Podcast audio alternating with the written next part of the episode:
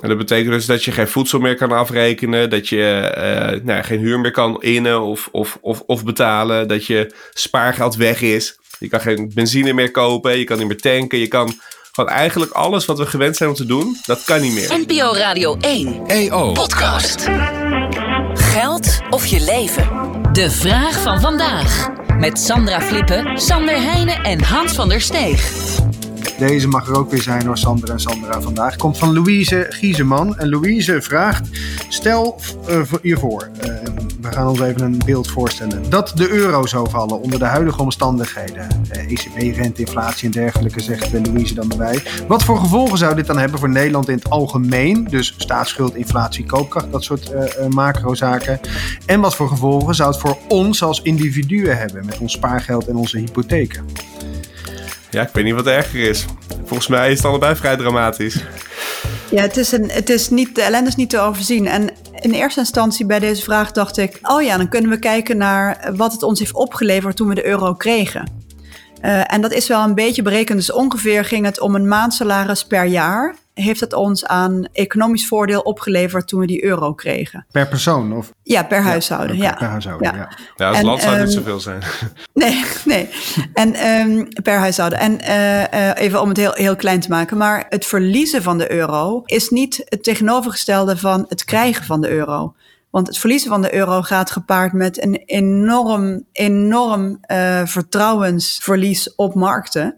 En ja, daarmee ja, er kunnen hele, hele diepe uh, recessies en, en crisis. En de ene crisis kan de andere triggeren. Ja, je bent alles kwijt in feite. Want, want het is een, als, je, als de euro valt, ja, volgens mij kan je het het beste uitleggen. Het is eigenlijk een soort van mega-inflatie die je dan hebt, toch? Je, je munt is niks meer waard van de een op de andere dag. Het is mega-inflatie. Het is uh, hele heftige schommelingen in, in inderdaad uh, allerlei prijzen. Maar het is ook vooral een hele grote vertrouwenscrisis. Ja. Want uiteindelijk is een munt, uh, geld, is eigenlijk gewoon gestold vertrouwen. Mm uh, dus ik heb het vertrouwen dat ik een briefje van jou krijg en dat ik met dat briefje ergens anders iets anders kan uh, doen tegen dezelfde waarde.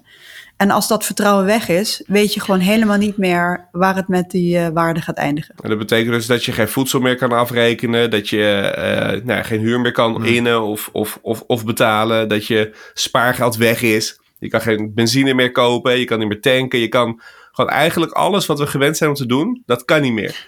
En ik, ik durf niet helemaal te doordenken uh, hoe dat eruit ziet. Behalve dat het, het lijkt me. Uh, uh, hey, je, je, je hebt natuurlijk een mega-inflatie gehad in Duitsland bijvoorbeeld. Hè, in de jaren, eind jaren 20, begin jaren 30 van de vorige eeuw. En dan zijn mensen van de een op de andere dag gewoon alles kwijt. En dat, dat, dat brengt de samenleving zo op drift dat je eigenlijk de, de spin-off daarvan je weet gewoon niet wat er, wat er dan gaat gebeuren. Dan weet ik wel, er is in oktober zijn er Kamervragen over gesteld. Er ligt dus een noodscenario klaar bij het ministerie van Financiën. Voor wat er moet gebeuren op het moment dat de euro zou vallen. Stel dat dat gebeurt. Dat scenario is geheim, dat mogen we niet inzien. Maar, dan, kijk, wat je dan volgens mij gaat krijgen, ik, ik heb het, ken het plan ook niet, maar wat er waarschijnlijk wel in staat, is dat je dan een uh, door de overheid centraal gestuurde herallocatie van arbeid, kapitaal en grondstoffen krijgt. Dus de productiemiddelen worden dan niet meer door het prijsmechanisme. Eh, ja, dat is heel bizar. We gaan dan eigenlijk naar het communisme. Dus de overheid gaat dan beslissen. Alles op de bon. Wie gaat wat produceren en wie gaat wat consumeren in welke hoeveelheden voor wie. Ja, dan, dan kom je inderdaad echt in, in een oorlogseconomie terecht. Maar kan het? Kan een euro vallen? Als we collectief ons vertrouwen daarin verliezen, kan die vallen, ja. Maar ik denk dat die kans niet zo groot is. Denk die is heel klein. Nee, dus we, we hebben natuurlijk tijdens, uh, uh, tijdens het, hoogte, het hoogtepunt van de eurocrisis, een jaar of tien geleden. Toen had je uh, van die mensen als Middelkoop, zag je veel op tv. En een aantal andere mensen die daar hele spannende dingen over zeiden. Maar uiteindelijk zag je, zie je volgens mij dat mensen het zich zo niet kunnen voorstellen dat het gebeurt. en zeker als een centrale bank, de ECB, erachter gaat staan en zeggen: wij, wij doen alles, whatever it takes dat, dat we ons zo niet kunnen voorstellen dat het gebeurt, dat het daardoor ook niet gebeurt.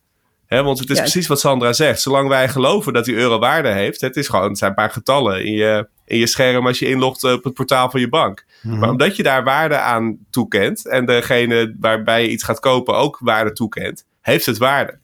En dat is eigenlijk al heel lang, echt al uh, lang voordat we konden schrijven, heb je betaalsystemen die op die manier werken op basis van het vertrouwen. En ik, ja, ik ben er daarom wel. Uh, ik ben daarom heb ik veel vertrouwen in het systeem, omdat er, ja, er staat een hele samenleving ook achter. En dat maakt dat het sterk is en dat het functioneert. Nou, er is een, ja, er is een toch, klein politiek deel wat de gulden wil, hè? Wat zeg je, Hans? Er is natuurlijk een deel van de samenleving, lees uh, van de politiek, dat, dat de gulden terug zou willen. Ja, maar dat is niet op basis ja. van argumenten die ik kan volgen. Oké, bij deze. ja, dat, dat is een onderdeel van, van, een, van een ander gevoel volgens mij. Ja, ja. Kijk, de, de, het geloof in de euro uh, zal zeker niet uh, zomaar uh, patsboom verdwijnen, verdwenen zijn. Maar een vertrouwenscrisis, dat uh, is wel degelijk iets wat kan gebeuren. En we hebben het onlangs gezien dat het bijna gebeurde in het Verenigd Koninkrijk. Met die, met die begrotingsplannen bedoel je?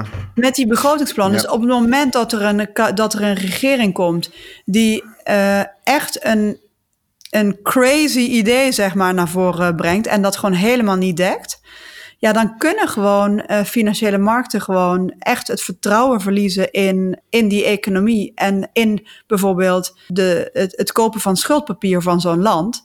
Ja, en dat zet zo'n land dan echt een razend tempo op slot. En interessant genoeg is dit dezelfde politieke stroming die in Nederland pleit voor de terugkeer naar de gulden. Hè? Dus, dus het, zijn, het zijn mensen die je misschien niet per se uh, het, het, het, aan het roer wil laten, het roer wil nee. laten van je economie. Oké. Okay. Nee. Is dit, is, zijn dit, want deze vraag komt van Louise. De, ik ben benieuwd, Sandra. Zijn dit uh, uh, voorstellingen die uh, in colleges behandeld worden?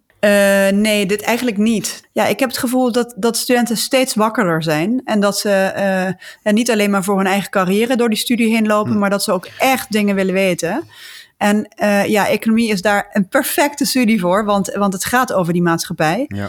En um, uh, wat volgens mij heel belangrijk is, is dat uh, opleidingen ook echt naast hun curriculum van, uh, van lesuren, waar gewoon soms gewoon ook droge theorie er doorheen moet worden geknald. Want anders kun je wel leuk meelullen, maar je kan niet echt aan de knoppen iets veranderen. En dat is toch waar die mensen voor op worden geleid. Maar, maar dat kunnen meepraten en dat betrokken zijn bij die maatschappij en kritisch blijven nadenken, ja, dat zou je eigenlijk wel parallel in discussieseries langs die collegezalen moeten blijven voeren. Gebeurt ook. Okay. Maar dat mag misschien nog wel een tandje meer. Oké. Okay. Bij deze een, een kleine oproep aan de Erasmus Universiteit nog. En daar ben ik het helemaal mee eens. En laten we ja. dat ook, uh, deze oproep aan andere universiteiten richten die uh, economie doseren. Ja.